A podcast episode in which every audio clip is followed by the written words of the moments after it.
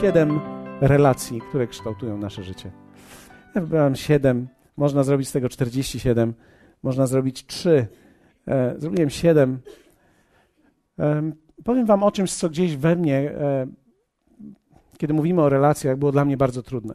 Myślę, że to jest jedna z rzeczy, której nie umiałem w ogóle w życiu. Kiedy wszedłem do Królestwa Bożego, kiedy wszedłem do, nawróciłem się, to tak naprawdę poczułem tylko, że są dwie części życia: jest niebo i jest piekło. I nie wiedziałem, że jest coś pomiędzy. Nie wiedziałem, że są ludzie, którzy są częściowo i tu, i tu. E, nie wiedziałem, że są ludzie, którzy mają nogi w niebie, usta w piekle.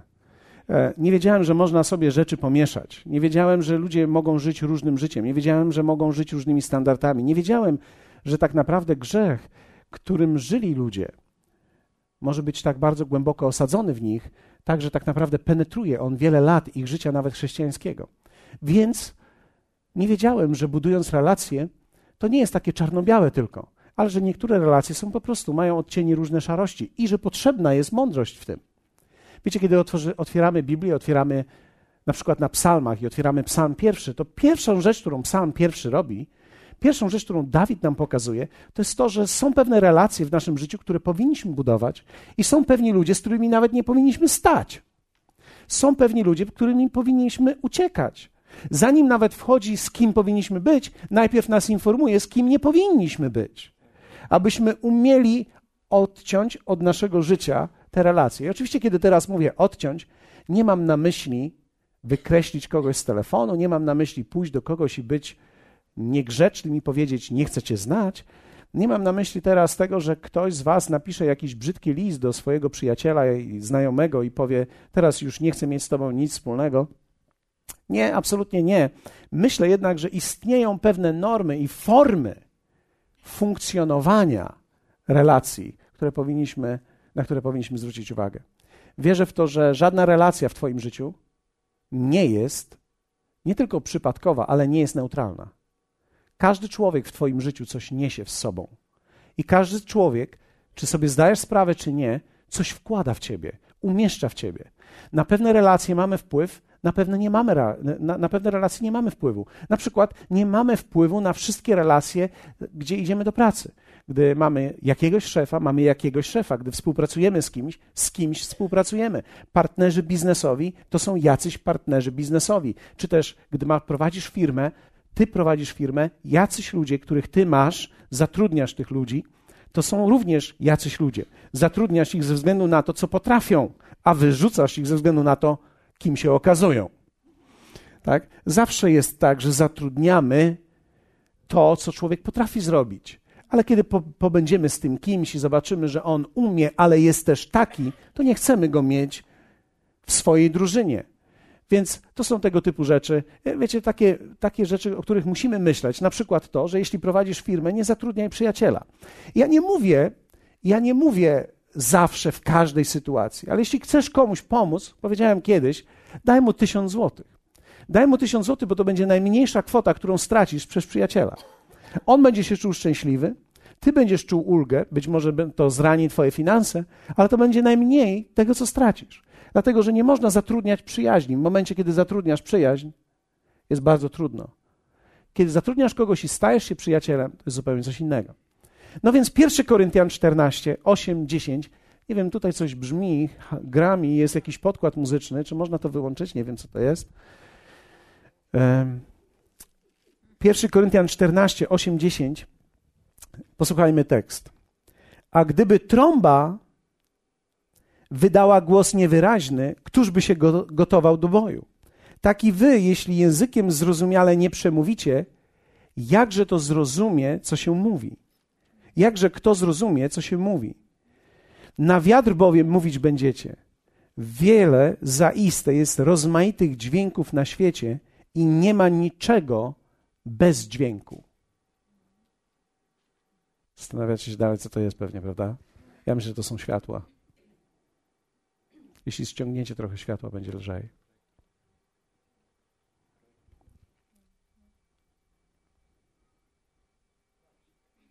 Panie, dziękujemy Ci za to. Ok. Jesteście ze mną? Damy sobie radę z tym dźwiękiem? Ja chyba jestem głośniejszy, prawda? Ok. Jeśli ściągniecie światła, te górne, będzie może lżej. Nie. Albo wie, wideoprojektor. Wyłączcie go po prostu. Świeczkę zapalmy. Tak jest, dziękuję. Aleluja. A gdyby trąba wydała głos niewyraźny, któż by się gotował do boju? Tak i wy, jeśli językiem zrozumiale nie przemówicie, jakże kto zrozumie, co się mówi? Na wiatr bowiem mówić, mówić będziecie, wiele zaiste jest rozmaitych dźwięków na świecie i nie ma niczego. Co się dzieje? Wiele jest dźwięków i nie ma niczego bez dźwięku. Dziękujemy Ci, Panie. Czyli weszliśmy teraz w wielkie nic, bo nie ma tego dźwięku. Ok. Głos z nieba wewnątrz Ciebie musi stać się okrzykiem zwycięstwa, bo myśl, która jest w Tobie dominująca, będzie zawsze myślą, która będzie Ciebie kierowała. Wiecie, słowo pokazuje nam, że wszystko w świecie ułożone jest przez dźwięk. Dźwięk to są słowa i relacje, które mamy z ludźmi, to jest dźwięk, który do nas dochodzi i on tworzy w nas. Słowa, które mówią ludzie, tworzą w nas myśli, koncepcje, u- uczucia. Tworzą w nas marzenia, mogą tworzyć w nas myśli o przyszłości pozytywne lub też mogą nas ciągnąć w dół. Ludzie, którzy mówią do nas, Czasami mówimy, że ktoś zrzędzi. Żaden dźwięk, który wychodzi, nie jest neutralny. On jest dźwiękiem, który wpływa na ciebie.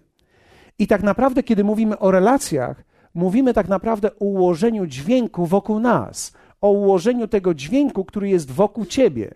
Dlatego, że nikt z nas nie może sobie poradzić z czystością, kiedy cały czas coś wylewane jest brudnego na ciebie. Wiecie, człowiek się nie wyczyści, kiedy non-stop brudzi się albo ktoś brudzi go. Więc bardzo istotne jest, abyś umiał odciąć swoje życie od wszystkiego, co jest negatywne i niewłaściwe. Czasami Mateusz czy inne osoby podchodzą do mnie i mówią: Tato, czy ty czytałeś to i to o sobie? Albo czy czytałeś na Facebooku o sobie? Wiecie, jeśli widzę jakąkolwiek negatywną rzecz, nie o sobie, o kimkolwiek, ta osoba przestaje być moim przyjacielem. Ja zde zdecydowałem w swoim życiu, że nie chcę otoczyć się ani jedną osobą, która nie ma do powiedzenia rzeczy pozytywnych i budujących, tylko negatywne. Więc niezależnie od tego, czy to jestem ja, czy to ktokolwiek inny, jakiś kościół, jakieś inne zgromadzenia, jacyś ludzie, jacyś kaznodzieje, nie interesuje mnie, czy ktoś popełniał błędy, czy ktoś jest w błędzie, czy ktoś coś robi źle. Nie jestem tym zainteresowany. To, czym jestem zainteresowany, to jest Słowo Boże i jego aplikacja w moim życiu. To jest moje punkt, to jest mój punkt centralny mojego życia. I ty musisz zdecydować sam, co będzie punktem centralnym Twojego życia. Posłuchajcie mnie. Jest wystarczająco trudno w życiu poradzić sobie z własnymi myślami. A co dopiero, kiedy ktoś ci jeszcze je wzmacnia? Jest wystarczająco trudno pozbyć się negatywizmu, który płynie z samego z ciebie. Każdy z nas ma negatywne myśli. A co dopiero, kiedy masz jeszcze chór trzech innych ludzi, którzy mówią do ciebie negatywne rzeczy? Ja myślę, że wtedy utrudniamy sobie sytuację. I Bóg pragnie, abyśmy we właściwy sposób umieli podejmować decyzje, jeśli chodzi o relacje z ludźmi, których mamy. Ja musiałem podjąć taką decyzję. W pewnym sensie nie ma ani jednego człowieka na świecie, który by cokolwiek robił, który nie byłby krytykowany, który nie musiałby sobie poradzić z językiem i głosem ludzi, negatywnym bądź też krytycznym. Jeśli cokolwiek robisz w swoim życiu, prawdopodobnie ty również będziesz miał takie głosy. Dzisiaj, zanim przyszedłem tutaj, słuchałem Joela Ostina przez chwilę, który mówił o krytycznych głosach w życiu ludzi i między innymi powiedział o krytycznych głosach w swoim życiu. Wiecie, to jest ten kaznodzieja, który się tak zawsze ładnie uśmiecha.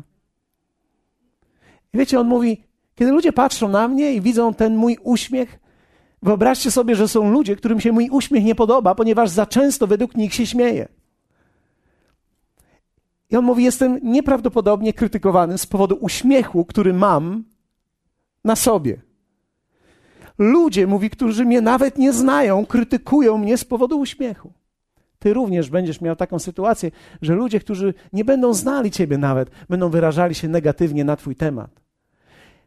Relacje i ludzie, jeśli będziesz próbował się przypodobać im, bądź też podjąć pewne korekty poza Słowem Bożym, będziesz toczył wojny, których nie da się wygrać. Bo nie przypodobasz się nigdy wszystkim ludziom. Zawsze będzie ktoś, komu nie podejdziesz i musisz się z tym pogodzić. Jezus potrafił się z tym pogodzić. Jezus potrafił pogodzić się z ludźmi, którym nie był w stanie pomóc. Musiał umieć oderwać się od tego, bo byli tacy ludzie, którym nawet Jezus nie był w stanie pomóc. I ty również będziesz miał takich ludzi, i ja również miałem takich ludzi, ja tylko nie potrafiłem ich zdefiniować. Wiecie, mój problem jest taki, myślę, że wielu z Was może się odnaleźć w tym, nie wiem, czy Twój problem jest taki, ale ja zawsze byłem miłosierny, tak byłem uczony, że trzeba dawać ludziom szansę, że trzeba dawać ludziom szansę, że trzeba dawać ludziom szansę, że trzeba dawać ludziom szansę. Problem jest taki, że ja nigdy ich nie kontrolowałem, tylko dawałem im szansę. Co innego, kiedy ludzi skonfrontujesz. Ja ich nie konfrontowałem. Ja po prostu dawałem im szansę a oni robili swoje, wylewali różne rzeczy niewłaściwe. I ja tego nie konfrontowałem. Nie wiedziałem jak. Żaden człowiek nie lubi konfrontacji. Kto z Was lubi konfrontację?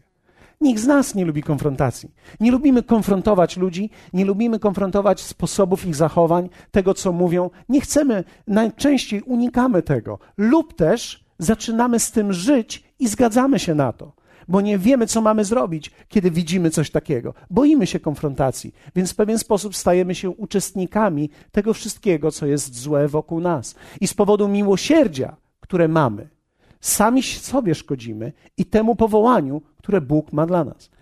Więc teraz siedem niebezpiecznych relacji w życiu. Najpierw. Pierwsza. Ludzie, którzy karmią Twój bunt Wiecie, każdy człowiek ma w sobie posiew buntu. Apostoł Paweł, kiedy mówi o tym, kiedy mówi o człowieku, który został wyzwolony i o ludziach, którzy przychodzą do Boga, mówi o buncie i o zaślepieniu. Nie jest tak? Są fragmenty, które mówią o tym, że żyliśmy w buncie. Żyliśmy w buncie przeciwko Bogu, żyliśmy w buncie przeciwko innym ludziom, żyliśmy nawet w buncie przeciwko Kościołowi. Wielu ludzi dzisiaj mówi: Kościół to sami hipokryci ludzie, którzy udają, że są lepsi niż inni. Wiecie, można i również tak stwierdzić. Dla mnie jednak Kościół to są ludzie, którzy są w drodze. To są ludzie, którzy nie udają, ale próbują cały czas. Wiesz, ludzie, którzy próbują cały czas, to są ludzie, którzy do czegoś idą i w którąś stronę zmierzają. Ja szanuję tych ludzi. Szanuję wszystkich, którzy podejmują decyzję, aby coś ze swoim życiem zrobić. Można jednak usiąść w domu i powiedzieć: Hej, to grupa hipokrytów. I wtedy tak naprawdę stajesz się cynikiem i tym, który już usprawiedliwił siebie i w żadną stronę nie idzie, bo już nie masz żadnej motywacji, żeby się zmieniać. Zostałeś w domu, już nie musisz się zmieniać. Możesz tylko krytykować tych, którzy próbują. Każdy człowiek ma w sobie bunt i musimy uważać, bo on jest częścią naszej starej natury, ale był częścią naszej starej natury, a teraz jest częścią naszego starego sposobu myślenia. Wiecie, kiedy czytamy o buncie w Starym Testamencie kiedy czytamy o ludziach, którzy się zbuntowali, bunt nie jest możliwy, kiedy ludzie nie są wystarczająco blisko. Trzeba być wystarczająco blisko, żeby się zbuntować. Ludzie, którzy są daleko, nie buntują się, mogą tylko krytykować. Ludzie, którzy się buntują, to są ludzie, którzy byli wystarczająco blisko. I tak naprawdę, kiedy patrzycie na synów Koracha, kiedy patrzycie na Aarona, na Miriam ze Starego Testamentu, którzy się buntowali przeciwko Mojżeszowi, kiedy się buntowali tak naprawdę przeciwko Panu, oni zarażali się nawzajem. Jeden mówił drugiemu i pobudzał bunt w drugim człowieku. Wiecie, można pobudzić krytykę i można pobudzić bunt w drugim człowieku. Wystarczy tylko, że znajdę otwarte ucho, żebym mógł mówić o kimś, żebym mógł skierować na coś, co jest wartością, zły wzrok drugiego człowieka, żeby mógł pokazać coś w niewłaściwym świetle. I wiecie, każdy z nas ma pewnego rodzaju starą pamięć zakodowaną w nas posiewu buntu. Pamiętam, kiedy wyszedłem jeszcze, kiedy rozpoczęliśmy Kościół, byłem tak bardzo odkrywałem wspaniałe, fenomenalne, fenomenalne prawdy Bożego Słowa, że im bardziej odkrywałem fenomenalne Bożego Słowa prawdy, tym bardziej byłem antagonistycznym względem Kościoła, który opuściłem. Czy to było dobre? Absolutnie nie. Wtedy mówiłem: Wow, ci ludzie są z piekła, ja jestem z nieba. Ci ludzie, gdzie oni prowadzą tych wszystkich biednych ludzi? I wiecie, wszystkich wrzucałem do jednego worka. Ale kiedy rozmawiasz i mówisz o, o ludziach, których jest miliard, prawdopodobnie nie mówisz o wszystkich, prawdopodobnie mówisz o niektórych.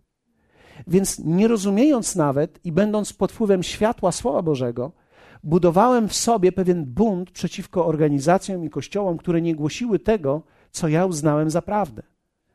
I wiecie, nie ma nic złego, kiedy człowiek jest przekonany do czegoś, w co wierzy. Ale to jest zupełnie inaczej atakować kogoś, kto wierzy inaczej. I jeszcze podważać jego motyw, że robi to celowo, aby zwodzić ludzi, bo wtedy sięgamy dalej apokalipsy i możemy nazwać to szarlatanem, nierządnicą, która będzie zniszczona, i tak dalej, i tak dalej, i tak dalej. I co tak naprawdę to robi? To buduje tylko i wyłącznie bunt w innych ludziach, którzy to słuchają. Pamiętam, ktoś przyszedł do mnie. Wiecie, czasami ludzie myślą, że robią wielką, wspaniałą rzecz, kiedy przychodzą do mnie i mówią tak. Ja nie chodzę do tamtego i tamtego kościoła, bo wiesz, tamten kościół to sami pozoranci, to są kombinatorzy, oni tylko kradną, nic więcej. Ja myślę sobie, ty potrzebujesz uzdrowienia. Dlatego, że kiedy ktoś przychodzi do takiego kościoła jak nasz i myśli, że mówiąc o innym teraz będzie wzbudzał we mnie sympatię, to myli się, ponieważ ja nie jestem przeciwko. Raczej myślę, że my wspólnie razem próbujemy zrobić to samo. Czy mamy różnice doktrynalne? Tak. Oczywiście, że tak. Ale zostawiam to Bogu, w jaki sposób światło Słowa Bożego będzie rozsądzone w ich życiu. Ja spotkałem jednak, nie spotkałem nigdzie w Biblii to, że powinienem osądzać objawienie drugiego człowieka. Natomiast powinienem osądzać moje własne w stosunku do Słowa Bożego. Nigdy nie powinienem nikogo uczynić wrogiem, dlatego że być może to może być mój brat w przyszłości. I powinienem raczej myśleć o tym, aby tym bardziej być rzetelny w studiowaniu słowa, żeby komuś pomóc żeby nie siać buntu ani w ludziach, ani, ani w tych, którzy mnie słuchają, ale również, żebyśmy uważali na tych, którzy będą zasiewali bunt w naszych własnych sercach. Dlatego, że dobrze się słucha rzeczy negatywne. W jaki sposób one, jak miód, wpływają do nas? Słyszałeś o tym i o tym? Albo słyszałeś o tym i o tym? Więc uważaj, bo to są ludzie, którzy karmią Twój bunt. I jeśli Twój bunt będzie nakarmiony, będzie się odzywał nakarmiony bunt będzie się odzywał. Ok? Kolejna rzecz. Ludzie, którzy karmią Twoją słabość. Musisz uważać na ludzi, którzy karmią Twoją słabość. Między innymi, kiedy ją lekceważą albo ją usprawiedliwiają. Każdy człowiek jest w czymś słaby, ale ja nie chcę, żebyś ty był w czymś słaby. Ja chcę, żebyś był wzmocniony. Ja nie chcę usprawiedliwiać Twojej słabości. Ja chcę, żebyś był jej świadomy nie chcę budować Twojej słabości w Twoim życiu. Chcę, żebyś był świadomy swojej słabości. Więc jeśli jesteś w czymś słaby, ja chciałbym Ci o tym powiedzieć. Wiecie, czasami w chrześcijaństwie nam się wydaje, że mówienie o negatywnych rzeczach to jest coś złego. Nie, jeśli to jest dobre dla drugiego człowieka. Czasami trzeba komuś powiedzieć: hej, obudź się, bo idziesz w jakiejś nieświadomości. Czasami dobrze jest komuś powiedzieć: hej, uważam, że jesteś na pograniczu pewnych rzeczy. Ja pamiętam, mieliśmy też takich ludzi, dzisiaj już ich nie ma, być może kiedyś Bóg odnajdzie ich gdzieś w jakimś innym miejscu, ale wiecie, są, byli ludzie, którzy nawet służyli i służąc przeklinali. I myśmy akceptowali to, bo myśleliśmy, że hej, no być może trzeba tym ludziom dać szansę, ale tak naprawdę to, co robiliśmy, to akceptowaliśmy ich słabość i oni karmili nas swoją słabością. Nie byliśmy w stanie nawet zrozumieć, jak to jest możliwe, że człowiek może być w kościele i przeklinać. Wiecie, ja nie mówię, że komuś się może nie zdarzyć, przekląć, jak jesteś zły, jedziesz w jesteś sam i myślisz, że cię nikt nie słyszy. Myślę, że niektórzy ludzie mają pokuszenie do czasami, żeby odpuścić sobie wentyla i żeby troszkę to ciśnienie z nas zeszło. Ja nie usprawiedliwiam tego, uważam, że Jezus powinien być pokojem naszego serca, ale jeśli nie wytrzymałeś, Bóg, wy, Bóg ci to wybaczy i On nie chce, abyś w tym momencie ty upadł, ale z drugiej strony, jeśli robisz to w swoim własnym domu i wszyscy muszą to słuchać, to wydaje mi się, że potrzebujesz obudzenia się i ja nie chciałbym być tym, który będzie karmił twoją słabość przez tolerowanie jej. Hallelujah, dziękuję Wam. Czułem, że to będzie aplauz, naprawdę niezły dzisiaj. Więc myślę, że to jest ważne, abyśmy zobaczyli, że tacy ludzie są dla nas zagrożeniem i musimy uważać na to. Trzecie, ludzie, którzy karmią nasze skąpstwo. Wiecie,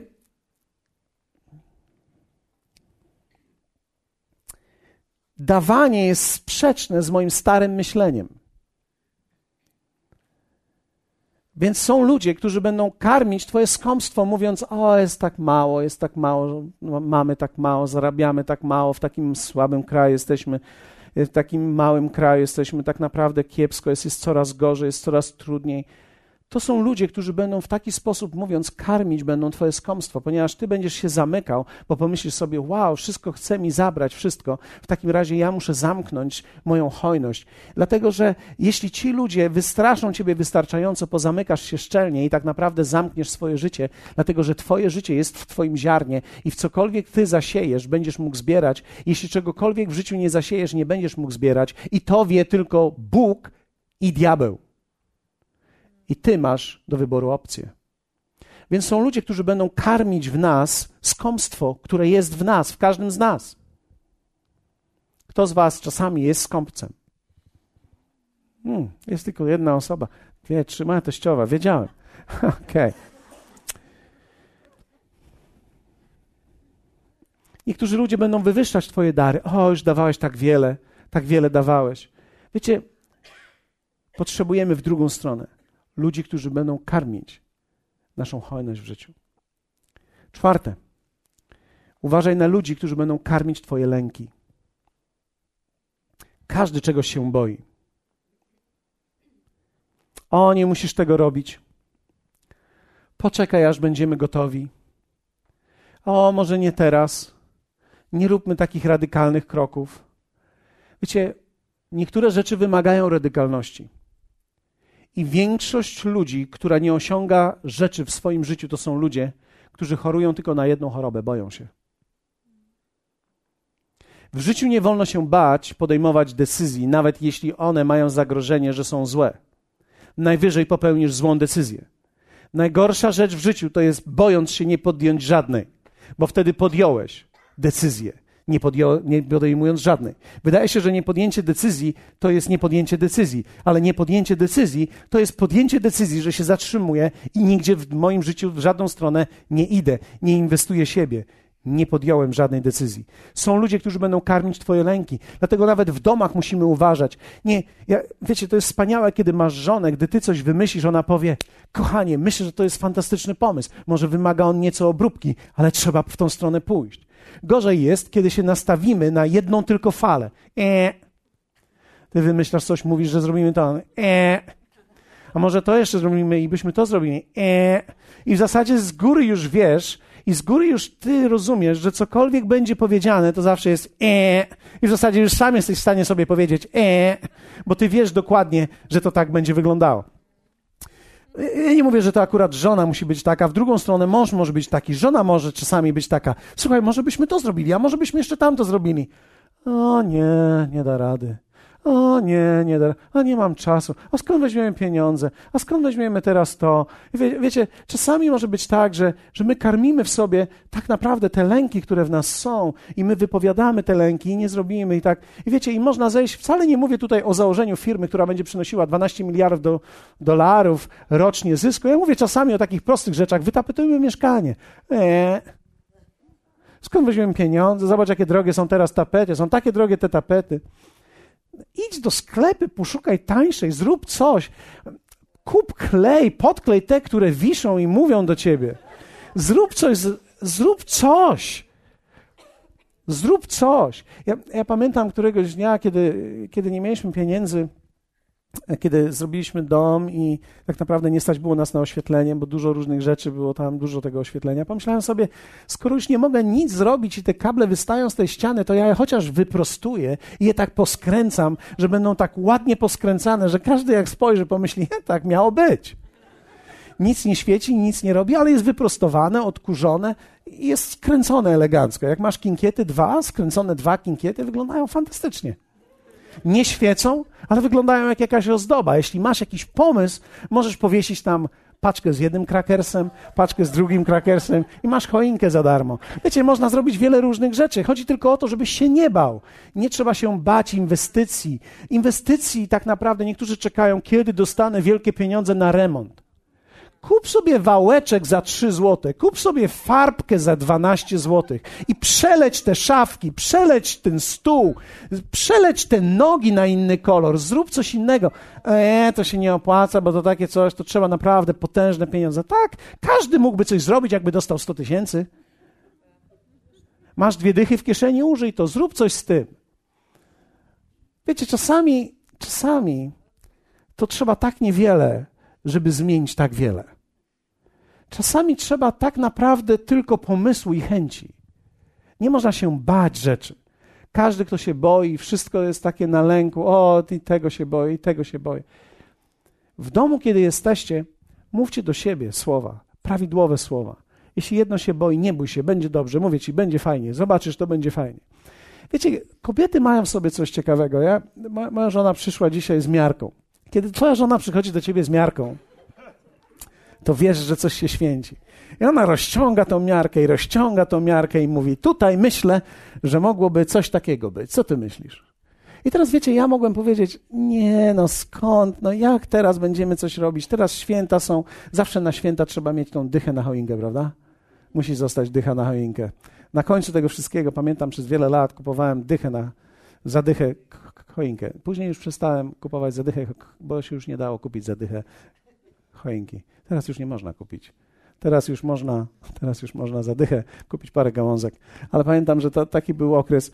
I, i kiedy przychodzi z miarką, kiedy możesz powiedzieć nie, co będziemy robić, a tymczasem, wiesz co, to jest bardzo ciekawe, to jest bardzo interesujące. Ja nie wiem jeszcze skąd weźmiemy na to pieniądze, ale myślę, że to jest bardzo interesujące. Co za różnica, skąd weźmiemy za to pieniądze, skąd weźmiemy pieniądze na to? Zaraz od razu włącza ci się myślenie i myślisz sobie, mama, teściowa. I oczywiście, I oczywiście słyszysz sam swoje nauczania, więc myślisz, tak, to odpada, to odpada, muszę coś zrobić, muszę coś zrobić, muszę coś zrobić, co mogę zrobić? Więc wtedy twoja żona mówi, przecież możesz coś zrobić, prawda? Wtedy ty już wiesz, że możesz coś zrobić, jeszcze nie wiesz co, ale ktoś wierzy w ciebie i w jakiś sposób budujemy wiarę w sobie i anulujemy te lęki, które w nas są. Wielu ludzi ma ludzi, którzy ładują w nich cały czas lęk i podsycają i karmią ten lęk w nich, więc nie potrafią nigdzie, nigdy nic zrobić. Uważaj na takich ludzi. Piąte. Uważaj na ludzi, którzy ciebie nie bronią. To zawsze będzie niszczyło Twoją siłę.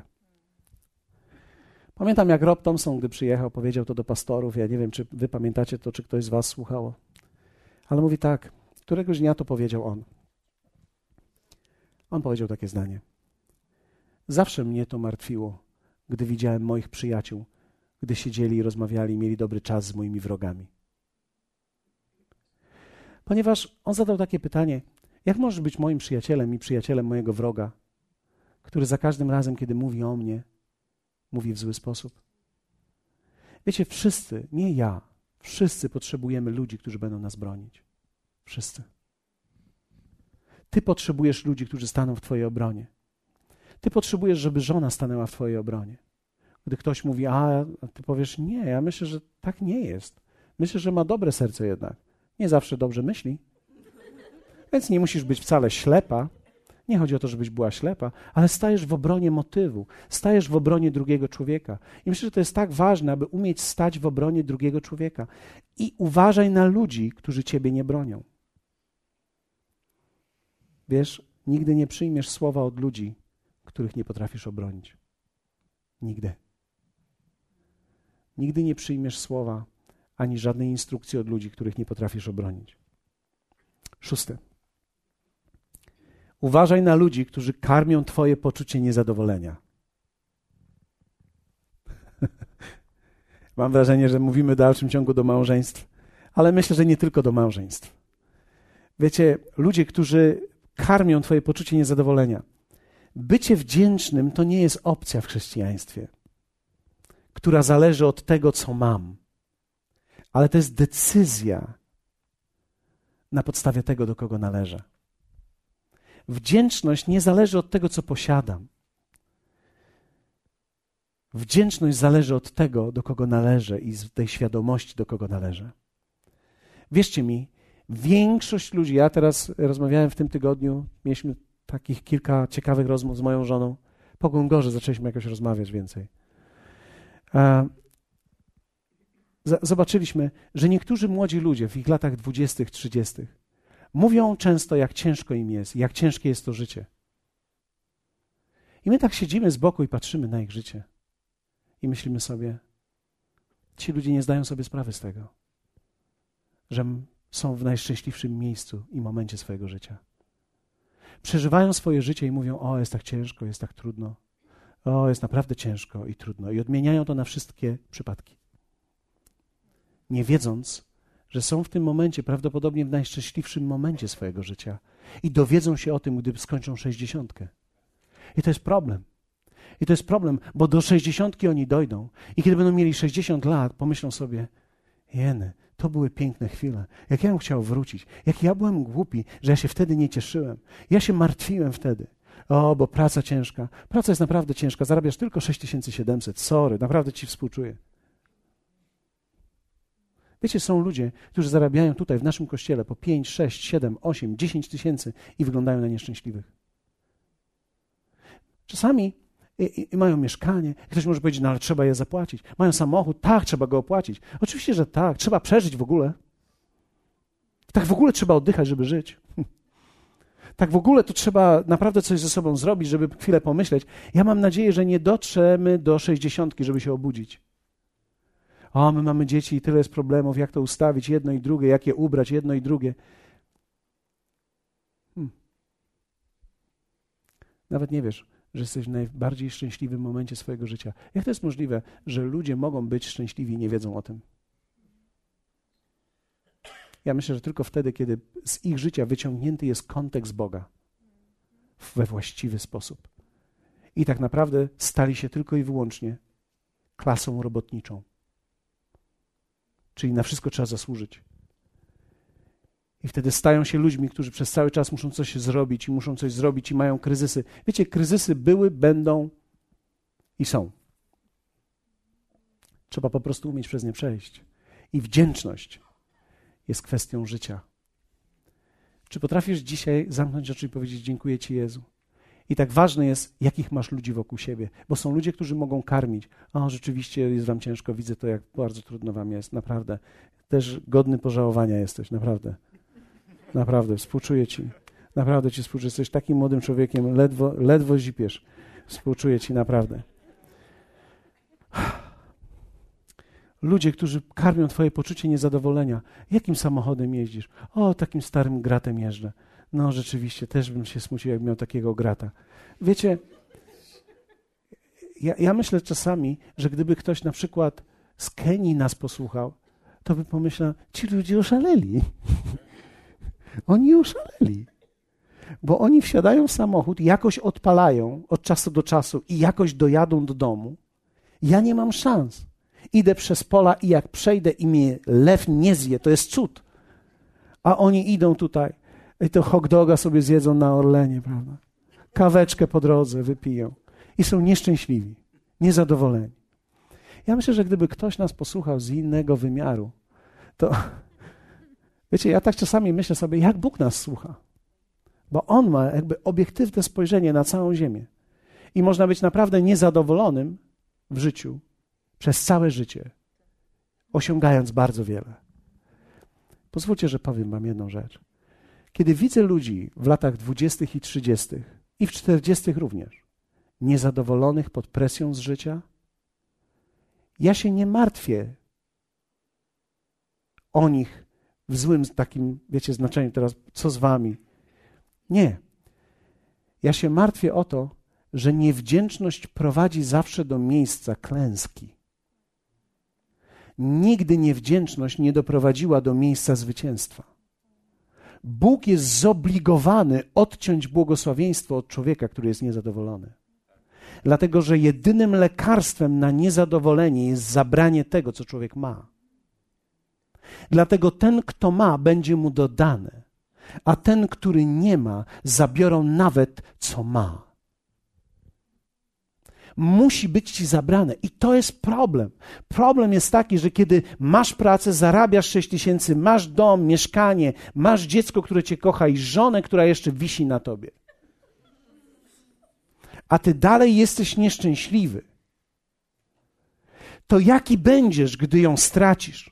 Jaki będziesz, gdy stracisz zdrowie? Jaki będziesz, gdy będziesz jeździł na wózku i będzie cię musiała przywieźć twoja żona do kościoła raz w miesiącu? Jaki będziesz, gdy stracisz dziecko? Jaki będziesz, gdy coś się wydarzy?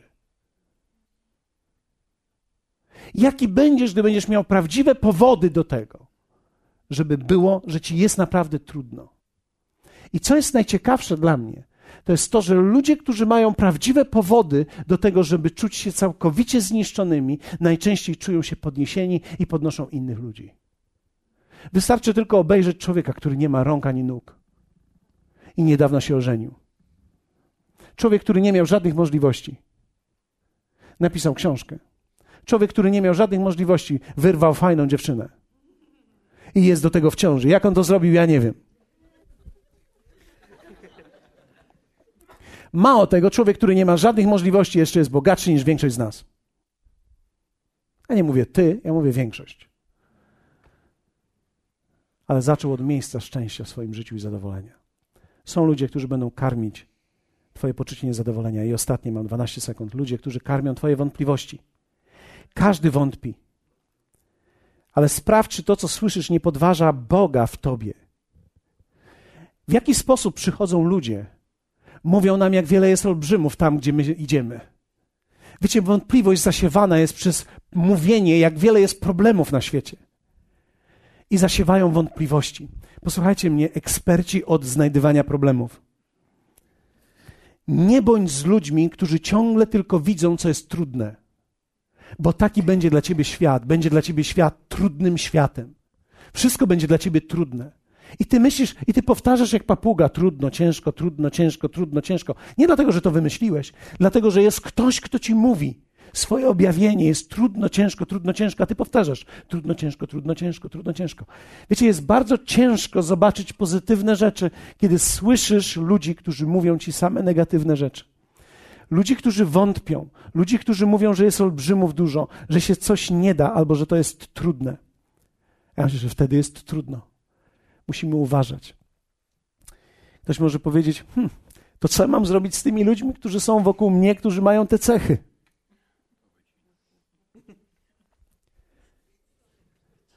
Pierwsza rzecz, którą zrób, to módl się. Jedna z największych rzeczy, którą możesz dla siebie zrobić, to jest częściej rozmawiać z Bogiem niż z ludźmi w takiej sytuacji. Jedną z najlepszych rzeczy, którą możesz zrobić dla siebie, to jest mieć relację z Bogiem tak silną, która sprawi, że przewyższy w tobie Jego głos, te wszystkie głosy, które będziesz słyszał. A jeśli trzeba, niektórym ludziom podziękuj. Jeśli masz kogoś, kto do ciebie dzwoni, jedyne wiesz, gdy dzwoni, widzisz ten numer, to jest no, teraz będzie 30 minut w dół. Halo? No, cześć i cisza. No co słychać? Cześć, co słychać? No, średnio. znowu średnio, Niuniuś? No, a co? Czemu ma nie być średnio? Zobacz na moje życie. Wiecie, czasami ci ludzie będą tak, jak, jak sprzedawcy, którzy dzwonią do nas przez telefon z nieznanego numeru. Ja dzisiaj miałem po południu takie doświadczenie, zadzwonił do mnie nieznany numer, odebrałem i wiecie, próbowałem przerwać. Zajęło mi to cztery minuty, żeby powiedzieć dziękuję i do widzenia. Gość był niezły, naprawdę był niezły. Próbowałem mu przerywać, mówię: Nie dziękuję, nie dziękuję, bardzo przepraszam, jestem zajęty, nie dziękuję. I wiecie, nie chciałem być niegrzeczny, chciałem sprawdzić, ile czasu mi zajmie, żeby w końcu on usłyszał i powiedział: A no to dobrze, to dziękuję. Zajęło mi to 4 minuty 12 sekund. To jest jak wieczność, tak naprawdę. I wierzcie mi, że dokładnie tak samo działają te głosy niewiary. My chcemy im przerwać, nie wiemy jak. One mówią do nas, mówią do nas, mówią do nas i zajmuje nam to 40 minut, 27 sekund, żeby powiedzieć im dziękuję. Oni wtedy wyłączają się i my wracamy do naszych zajęć obciążeni niewiarą. Nie chcemy, nie, nic prawie się nie da, nic prawie nie można. Nie można niczego zbudować, nie można nic osiągnąć, już prawie nic nie wierzymy. I potrzebujemy wtedy sobie przypomnieć tak, ting, ting, ting. Bóg istnieje. Zapomnieliśmy o tym. W tej całej konwersacji zapomnieliśmy, że On jest. Hm. To jest niesamowite. Mam nadzieję, że to Wam pomogło. Niektórym ludziom trzeba podziękować w życiu, ale jedną z najlepszych rzeczy, które możesz zrobić, to jest nie wyrzucaj nikogo, ale w zdecydowany sposób idź w stronę Bożą i w stronę swojego przeznaczenia. W momencie, kiedy ludzie zobaczą, że ty idziesz w jakąś konkretną stronę, sami zdecydują, że im tam nie jest po drodze i że oni się tam nie wybierają. Jesteście ze mną? Ja myślę, że niektórych ludzi nie musisz wcale im dziękować i odrzucać ich. Po prostu idź w inną stronę. Umów się z kimś innym. Nie musisz ciągle umawiać się z tym samym, kto cię dołuje. Umów się z kimś, kto cię podniesie. Umów się z kimś, bądź z ludźmi, rozmawiaj przez telefon z ludźmi, którzy będą budować w tobie Twoją wiarę. To jest tak ważne, to co słyszymy, to co analizujemy. Bo pamiętaj, że największa myśl w tobie będzie myślą, która będzie Ciebie kierować. Największa myśl w Tobie to będzie myśl, która pokieruje Twoje życie. I o ten dźwięk chodzi. Powstańmy. Wiecie, chciałbym, żebyśmy modlili się przez chwilę o ludzi, którzy są w naszym życiu. I abyśmy 15 sekund modlili się o mądrość dla nas, o wrażliwość na ludzi. Nie oceniaj ludzi. Nie, nie bądź człowiekiem, który jest odpychający względem ludzi. Bądź uprzejmy dla wszystkich, ale bądź mądry, tak aby ci ludzie nie wpłynęli na Twoją przyszłość i aby nie zniszczyli jej. Im bardziej będziesz chciał pójść za Bogiem, tym głośniejszy będzie dźwięk ludzi, którzy będą przeciwni temu. Tym głośniejsza będzie krytyka, tym głośniejszy będzie ten dźwięk negatywny wątpiący. Im bardziej będziesz miał wielkie rzeczy przed sobą, tym częściej będziesz słyszał negatywne rzeczy wokół siebie. Ochroń swój umysł, ochroń swoje serce. Bądź mądry, spędź czas z Bogiem. Z Nim i dla Niego wszystko jest możliwe. Nie bądź człowiekiem, który jest załamany swoją sytuacją. Nigdy się nie załamuj sytuacją. Można być przez chwilę załamanym, ale podnieś się, otrząśnij się. Bądź osobą, która powie: Panie, dziękuję Ci. Dziękuję Ci za to, co mam. Dziękuję Ci za to, kim jestem. Dziękuję Ci, że mam ręce, że mam głowę, że mam nogi. Dziękuję Ci, że mogę chodzić, że mogę oddychać, że mogę żyć, że mam dzieci, że ktoś na mnie wisi, że ktoś wokół mnie biega, że ktoś ode mnie czegoś chce. To są najszczęśliwsze momenty Twojego życia. Nie pozwól, aby głos niewdzięczności wpłynął do Twojego serca, który sprawi, że dla Ciebie Twoje życie będzie jednym wielkim westchnieniem. Pamiętam, jak któregoś dnia do kogoś mówię: Jaki jest Twój dzień? On mówi: Ja nie mam ciężkiego dnia, ja mam ciężkie życie. Widzisz, to jest bardzo proste. Kiedy człowiek nie potrafi podnieść siebie ku wdzięczności, ku myślom, co Bóg może dla ciebie uczynić i co On dla ciebie zaplanował, ale będziesz cały czas nasiągnięty negatywnymi głosami, nic dziwnego, że nie będziesz mógł wystartować. Ale powiedz sam dzisiaj, Duchu Święty, ja chcę wystartować w moim życiu. Nie chcę być ograniczonym. Nie chcę być tym samolotem, który jest przywiązany, który nie może nigdzie polecieć. Nie chcę być tym samochodem, który jest przywiązany do wszystkich miejsc i nie może mimo wielkiego wysiłku nigdzie ruszyć. Ale proszę Ciebie, abyś odciął te wszystkie niewłaściwe relacje w moim życiu. Abyś odciął te niewłaściwe dźwięki, niewłaściwe głosy, wątpiące, negatywne. I poprowadź mnie ku niemożliwym rzeczom. Powiedzmy razem ze mną, powiedzmy razem to, wyznajmy to. Dziękuję Ci, Panie, że masz dla mnie niesamowitą przyszłość. Dziękuję Ci, że mogę dzisiaj być wdzięczny Tobie za Twoje słowo, za Twojego ducha, za to, że Ty się nie pomyliłeś, że jestem dzisiaj w tym miejscu, że słucham tych słów, że mam Twoje słowo, że mam Twojego ducha i że mogę osiągnąć to wszystko, co Ty powiedziałeś, że mogę osiągnąć. Mogę być wszystkim tym, kim Ty mówisz, że mogę być i mogę mieć to wszystko, to, co Ty mówisz, że mogę mieć. Mogę dokonać tego wszystkiego, co Ty mówisz, że mogę dokonać. Dzisiejszego dnia w imieniu Jezusa odcinam te głosy negatywne z mojego umysłu i z mojego serca i skłaniam się ku Twoim życiodajnym słowom, ku Twojemu dźwiękowi, ku Twojej ochronie, ku Twojej przyszłości. Prowadź mnie Mów do mnie. Chcę słyszeć Twój głos i chcę podążyć za nim. Chcę słyszeć Twoje słowa i zwyciężyć w imieniu Jezusa. Hallelujah.